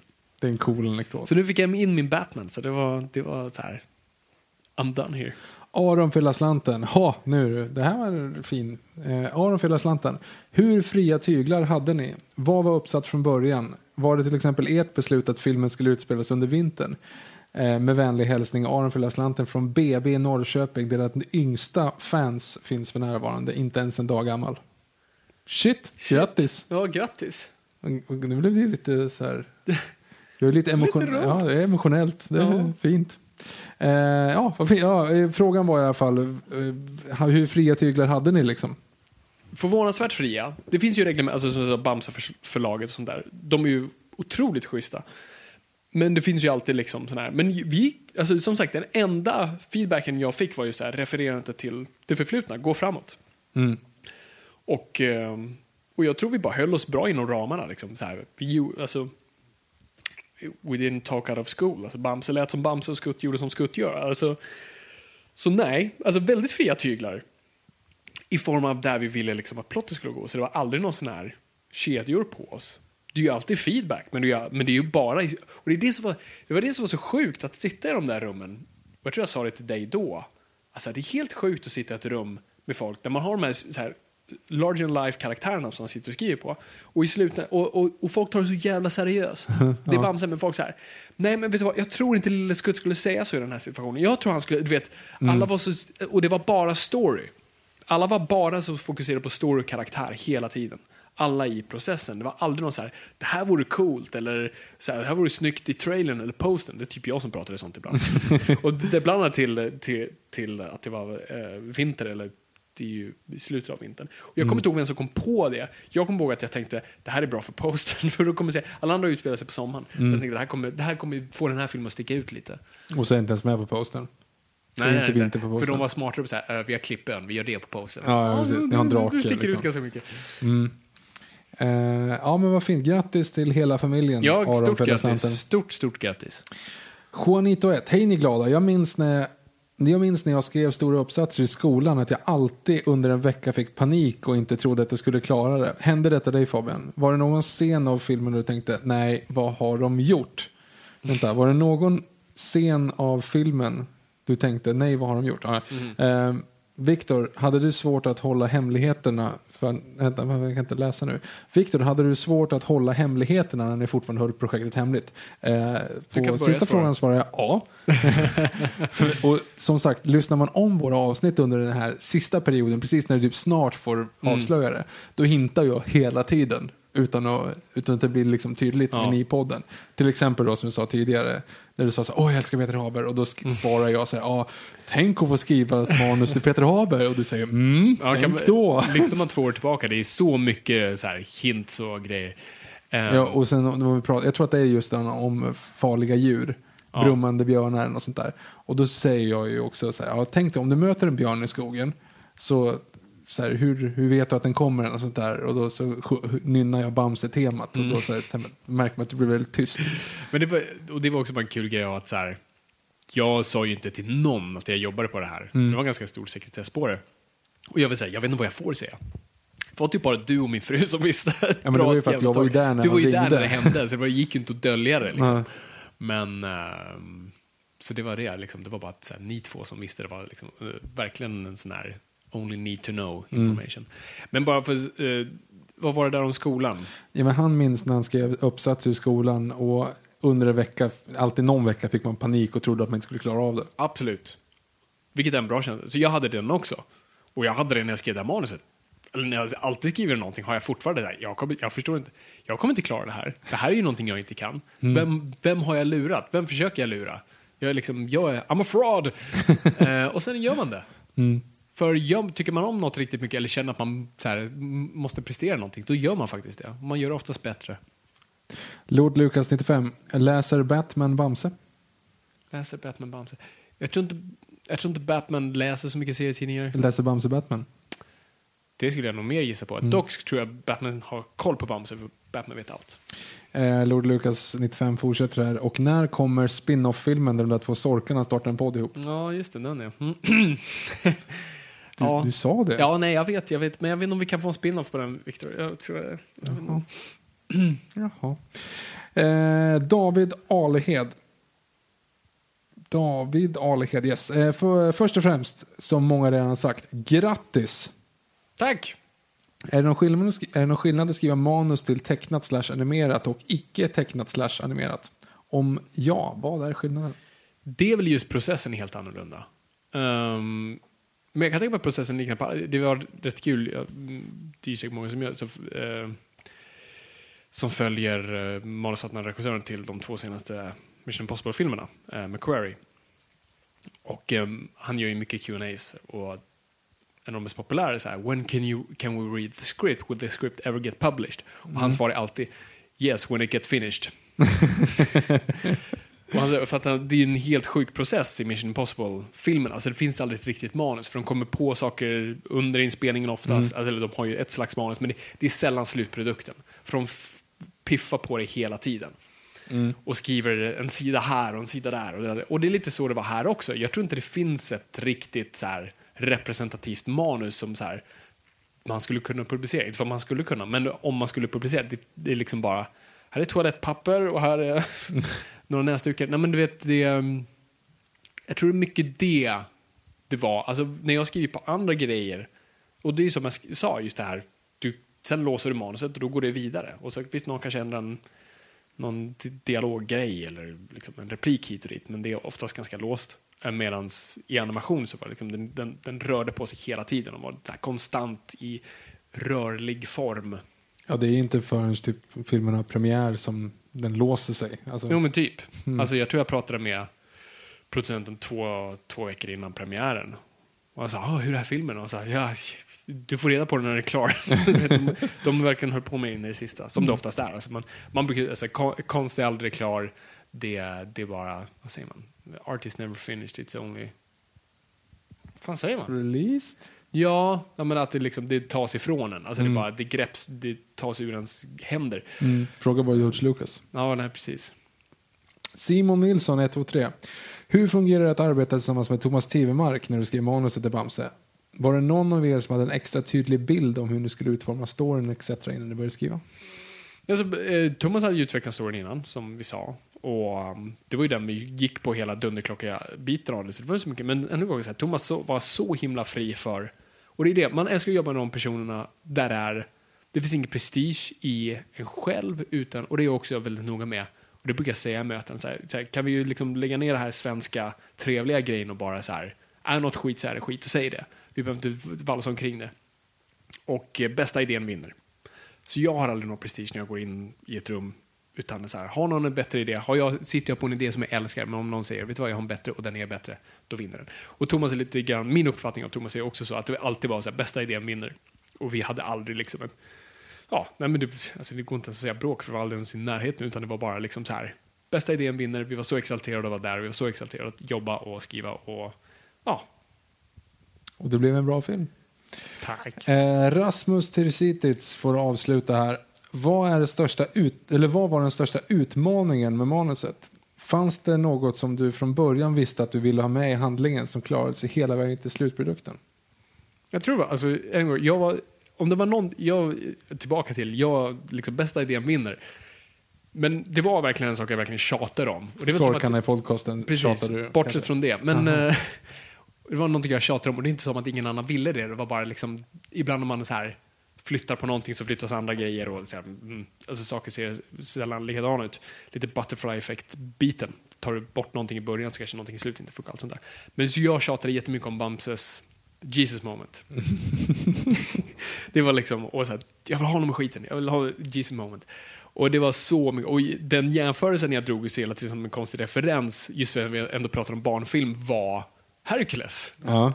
Se vad man vill om Hercules, men Hercules har ett väldigt bra karaktärsark och framförallt i form av just sista akten med Alltså Hercules gör i stort sett den optimala uppoffringen och det är det som gör honom till en rättmätig gud. Mm.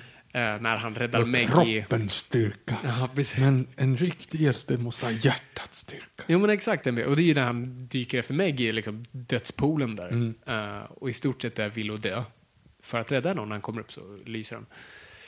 Och det var det jag sa, så här, det är den scenen jag typ vill ha. Uh, för det var det närmaste jag kunde komma på i barn, barn jag vill inte säga så här, har ni sett Passion of the Christ? uh,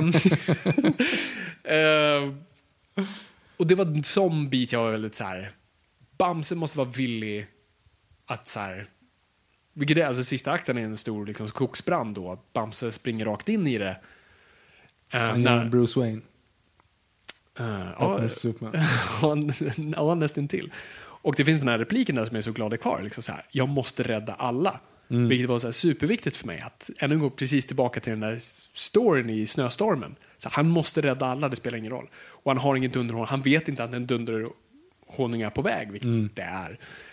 Um, och vi har en scen där, där han liksom är villig att liksom stå kvar. Mm. Fast det liksom, han inte kan göra något åt situationen. Sen kan han. Och det, det var för mig det viktigaste. Och det var någonting jag tjatade om till döds och de var säkert jättetrötta på mig. Allt annat var jag rätt villig att eh, liksom vika mig för. Men det där var sådär, det är det viktigaste för mig. Så det var delvis det och viktigt för mig att Reinhard hade ett ark och att Skutt hade ett ark. Skutt var för mig den roligaste karaktären att skriva. För det är fråga, han har ju skrivit fyra frågor då. Ja. Eh, och nästa fråga är då, vilken karaktär var roligast att skriva? um, det är Reinhard, för du måste komma på så många variationer av dumhuvud i stort sett som inte är dumhuvud. Mm. Såhär, fårskalle, ärthjärna, alltså hönshjärna, du vet alla de här variationerna. För det är i stort sett det han säger till folk. Liksom. Mm. Uh, för han är ju smartare än alla andra. Och, uh, så det var kul att komma på sådana variationer. Men också bara så här skriva ond karaktär så du försöker redeema på ett sätt.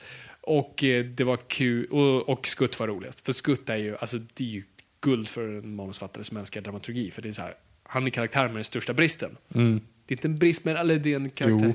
Jo. Det är fel att säga att, att någon är rädd är ju inte en brist, det är ju någonting man är. Men alltså, det hindrar honom. Han har ett stort ja, hinder det, i sitt liv. Ja, så vi, kallar, vi säger karaktärsbrist i form mm. av dramaturgi, inte som människa.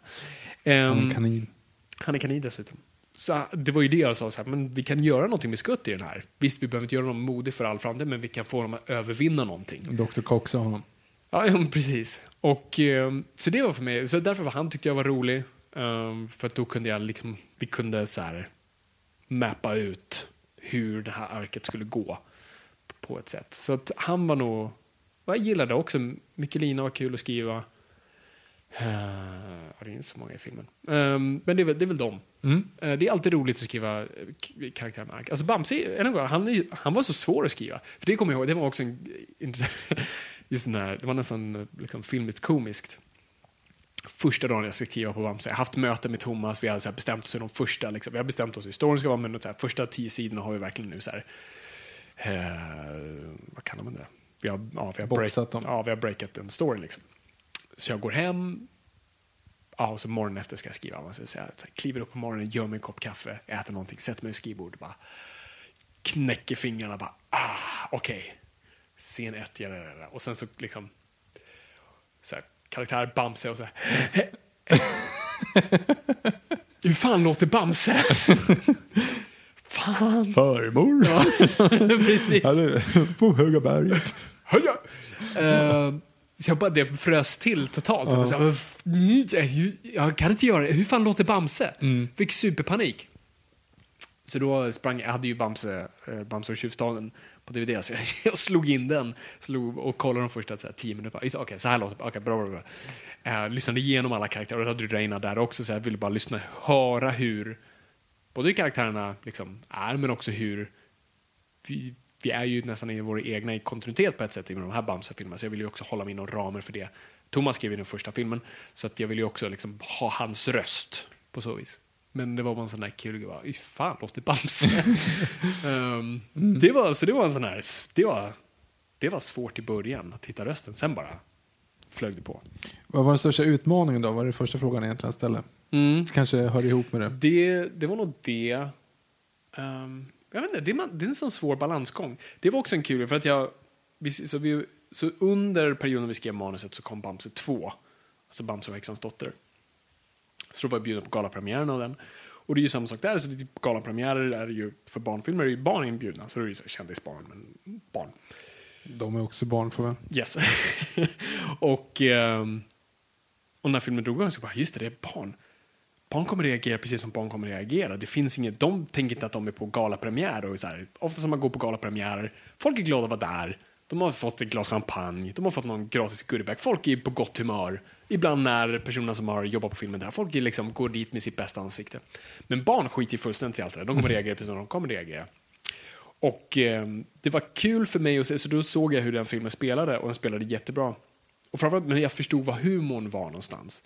Och jag tror jag var lite för smart i min humor först. Lite sådär klipsliga skrivna skämt. Eh, och det var lite såhär, mm, för att det roligaste i den filmen var när skurkarna får så här blåbär kastade på dem. Mm. Så här blåbärs, så här, stora burkar med blåbär. Och liksom det, it killed. Alltså det, liksom barnen låg på golvet och skrattade. Och jag såg, okej, just det, det här är för en liten publik. Liksom. Skriv inte ner dem, men liksom hamna på deras nivå. Så det var en sån här grej, så bara, oh, just det. Så jag tror ton och eh, liksom förstå vem, du, vem, vem så här, publiken är. Att säga, jag hade ju inte skrivit för barn tidigare. Det var också en sån här grej jag insåg, men, men jag, har inte ens skrivit, jag har inte skrivit en barnbok, jag har skrivit för barn, jag har skrivit barnprogram. svordomar bara. Ja, precis. Men det var det som var lite svårt med Reinhard. Så här, Ärthjärna, hönshjärna, så vad mer? Ehm, så jag tror det var det, faktiskt. Och att hela tiden, ja men det, det är så många bollar du jonglerar hela tiden. Särskilt med sån grej, för det är så här, just det, det här är karaktärer som folk känner igen, så du måste hålla dig trogen till det. Så här, vi måste vara trogen till vår story, vi måste ändå, så här, det måste kännas som Bamse. Och att det måste vara kul, men det måste vara kul på den nivån. Och, du vet, det är massa olika grejer. Han avslutar här i alla fall. eh, Finns det någon rolig deleted scen som vi inte fick se? Hashtag Bamse, tre bästa Bamse-filmer. Jag vet inte om det finns det. Tack förresten att du skrev det. Uh, jättesnällt, tack. Jag vet inte om det finns ett deli- jag kommer inte ihåg om det är ett litet scene. Jag tror inte alltid, alltså det är det, om det finns en stand-up av Patton Oswald som be, eh, beskrev när han var en sån här punch-up writer. Eh, som ofta så här, tar in på filmer för att puncha upp skämt. Det är ju bättre skämt. Och han skrev ju, för att han, det var på en Pixar-film. Och så han var i det rummet och sa så ah, men vore det kul om den här karaktären så, sa så här. Och producenten bara så här, nej, vi har precis spenderat 100 000 på den här bilden. Vi tänker inte gå tillbaka och ändra. Vi vill ha ett liksom, pruttskämt off-screen som någon karaktär säger till någon annan. Som vi bara liksom kan ADRa in. Eh, för det kostar så så mycket. Och det är lite det. Så animationer är det ofta så här, det som görs, det är, det, som- det är ingen som Ingen som tar bort Precis, den. och det är lite det också. Så manuset måste vara ganska skarpt. Du kan inte bara säga, ah, vi löser det. Nej, det, Vi löser det på plats, on set. Exakt. Utan manuset måste vara ganska så här, det är det det kommer vara. Med vissa, som jag sa, modifikationer av animatörerna som kommer på en bättre lösning oftast. Eh, Och är mer, mer visuellt tänk, liksom, de tänker mer, men det är fortfarande inom den ramen vi fortfarande har satt den. Och ehm, ja, så det var... Så nej, jag tror inte det. Det är en scen som jag, så här, det var lite en tidig version. Jag, jag, jag var någon konstig, jag vet inte om det var precis då här, Star Wars var kom ut, så jag bara skrev in en konstig scen då. Bamses farfar är en Force Ghost då, så här. Lite som med på Hoth med så här, Ben, Ben. och det var nästan en sån scen rakt av. Och jag tror till och med Mikkelina säger, för hon kommer liksom, precis som Tonton du vet, springer igenom Force Ghostet så kom typ Mikkelina och sa liksom så här, här, kom Bamse, du är vårt enda hopp. Eh, jag är glad att det inte kom med. Jag tror, att vi tog bort det innan, så det är inte ens någonting de har utan vi är så här, "Nej, det, det, det finns spöken i det här universumet, vad, är- vad är det för någonting? Ja. Och jag direkt bara, nej, absolut, ta bort det. Eh, vi, tar, vi tar bort det imorgon. Men eh, nej, jag tror inte det. En grej som jag, så här, det, alltså, de, de gör det bättre och de vet varför de gör det. Men jag hade skrivit en grej då, att Bamse sitter där och att hans mössa blåser bort när det är som, när det är som mörkast för honom. Och så tar Mikkelina tag i den och ger det tillbaka till honom. Det var en sån där grej som var så här, men det, jag tyckte de gjorde det skitbra, så att det, det är ingen som jag ens saknar. Men eh, det var någonting som var så här... deleted scene. Det roliga är att, ja det var sista frågan. Det roliga är att jag såg ju den här utan dig då. Ja. Eh, och då så tänkte jag hela tiden tillbaka på det avsnittet, vårt manusavsnitt. Ja. Alltså hur du beskriver ett manus ska vara och hur det ska användas kring till exempel att du ska inte visa någonting som inte förklarar en karaktär eller liksom driver storyn framåt. Eh, och du pratar väldigt mycket om, du glorifierar Superman och du glor, alltså hela den, det, det finns väldigt mycket sådana olika eh, anekdoter i det avsnittet. Så jag hade lite grann de ögonen när jag såg filmen och så tänkte jag på så här, fan Fabian har ju skrivit den ultimata filmen. Det här kommer ju vara, men så här, det här kommer ju vara den, du skulle kunna se när aspirerande liksom, manusförfattare på utbildningar kan kolla på den här filmen och hitta, du vet så här, första delen är eh, introduktion och sen kommer första plottpunkten och sen så är det tre, andra plottpunkten och så, så är det liksom hej, eh, bara eh, party utöver. Och det är vissa sådana saker som jag pratade om, som till exempel den här med snögubben. Att Lille Skutt eh, bygger en snögubbe och så kommer Lurvas, hunden, och, han, och han vill att Lurvas ska försvinna eller något sånt där. Så att han tar upp en pinne och säger titta på pinnen, titta på pinnen och så kastar han iväg pinnen. Eh, och då tänkte man så här, ah, ja det, det var, den scenen var weird. Sen, så, sen då så They sort of rhyme, för den scenen kommer ju tillbaka sen med draken. För när han också hittar en pinne och gör samma sak. Ja, för att han precis. märker draken med så ah, see what you did there.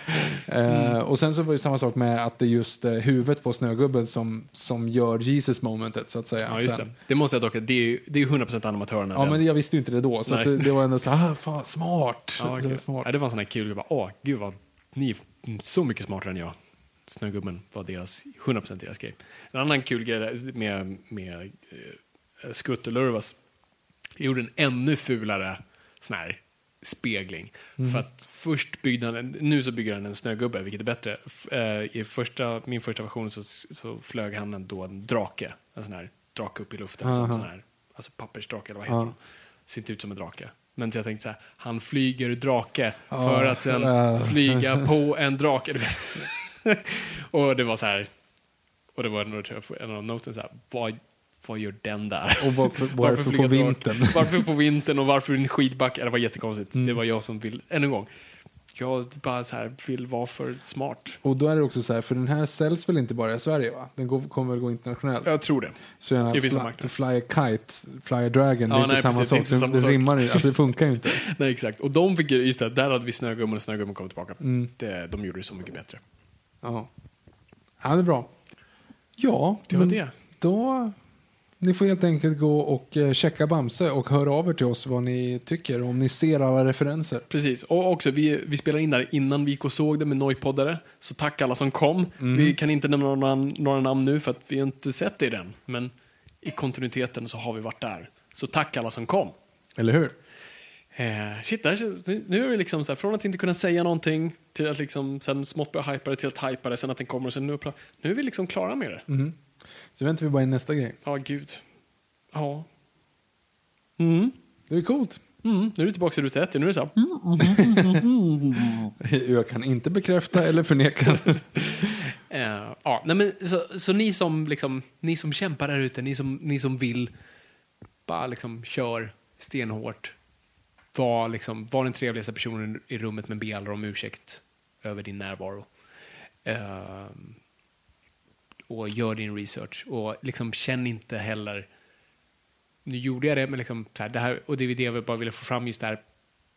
Plugga om ni vill, men känn inte att ni måste. Så, så här, Gör ni det bara för att ni säger, ah, jag må, gör inte det. Det behöver nödvändigtvis inte ta någonstans. Så här, det biskop Sane till slut gav mig var, jaha, filmbolag söker lektörer. Hmm. Och det var det. Det det gav mig. Liksom. Jätteglad att ha varit där, jätteglad för alla jag träffade där. Sådär. Så jag vill inte säga att det var dålig grej, men det var det jag fick liksom, ut av det. Och, och läs inte filmvetenskap. Men utan filmvetenskapen kanske du inte hade vetat hur en film är uppbyggt och därför kanske du inte hade kunnat skrivit där till när du var lektör att filmen, alltså det här är en intressant story men det funkar inte som film för att. Nej, det, det var det inte. Jag, snarare har det varit bättre för podden i form av att jag vet vad Mickey Mousing är för någonting. Jag vet också vad Mickey Mousing är. precis. Så liksom, och mise en scène, ja det är det där. Så det är bara det. Så liksom, så här, kör där ute och skriv för i helvete. Skriv, skriv, skriv, skriv, skriv. Det är det viktigaste. Bara, det är den bästa utbildningen. Och läs, läs, läs, läs, läs. Träffar du någonsin någon person i branschen som vill att läsa dina grejer bara för att läsa det, inte för att göra, bara för att läsa det, var tacksam och ta, ta det tillfället till akt. Liksom. Ja, fan kämpa där ute. Jag, tror, jag är ganska optimistisk. Jag tror det bara kommer bli bättre dessutom. Jag tror det har varit ganska svårt. Vi är ett litet land, det är få som går på bio. Det är färre som går på bio nu, men det finns fler kanaler.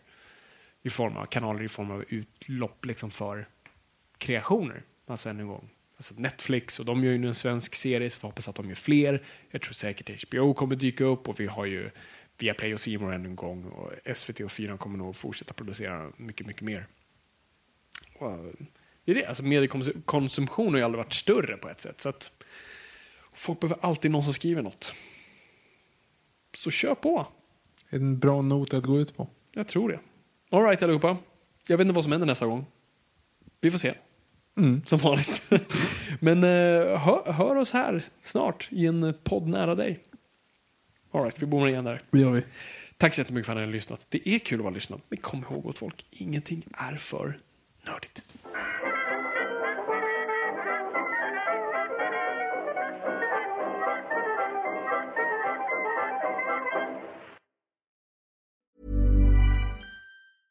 Flexibility is great. That's why there's yoga. Flexibility for your insurance coverage is great too. That's why there's United Healthcare Insurance Plans. Underwritten by Golden Rule Insurance Company, United Healthcare Insurance Plans offer flexible, budget friendly coverage for medical, vision, dental, and more. One of these plans may be right for you if you're, say, between jobs, coming off your parents' plan, turning a side hustle into a full hustle, or even missed open enrollment. Want more flexibility? Find out more about United Healthcare Insurance Plans at uh1.com.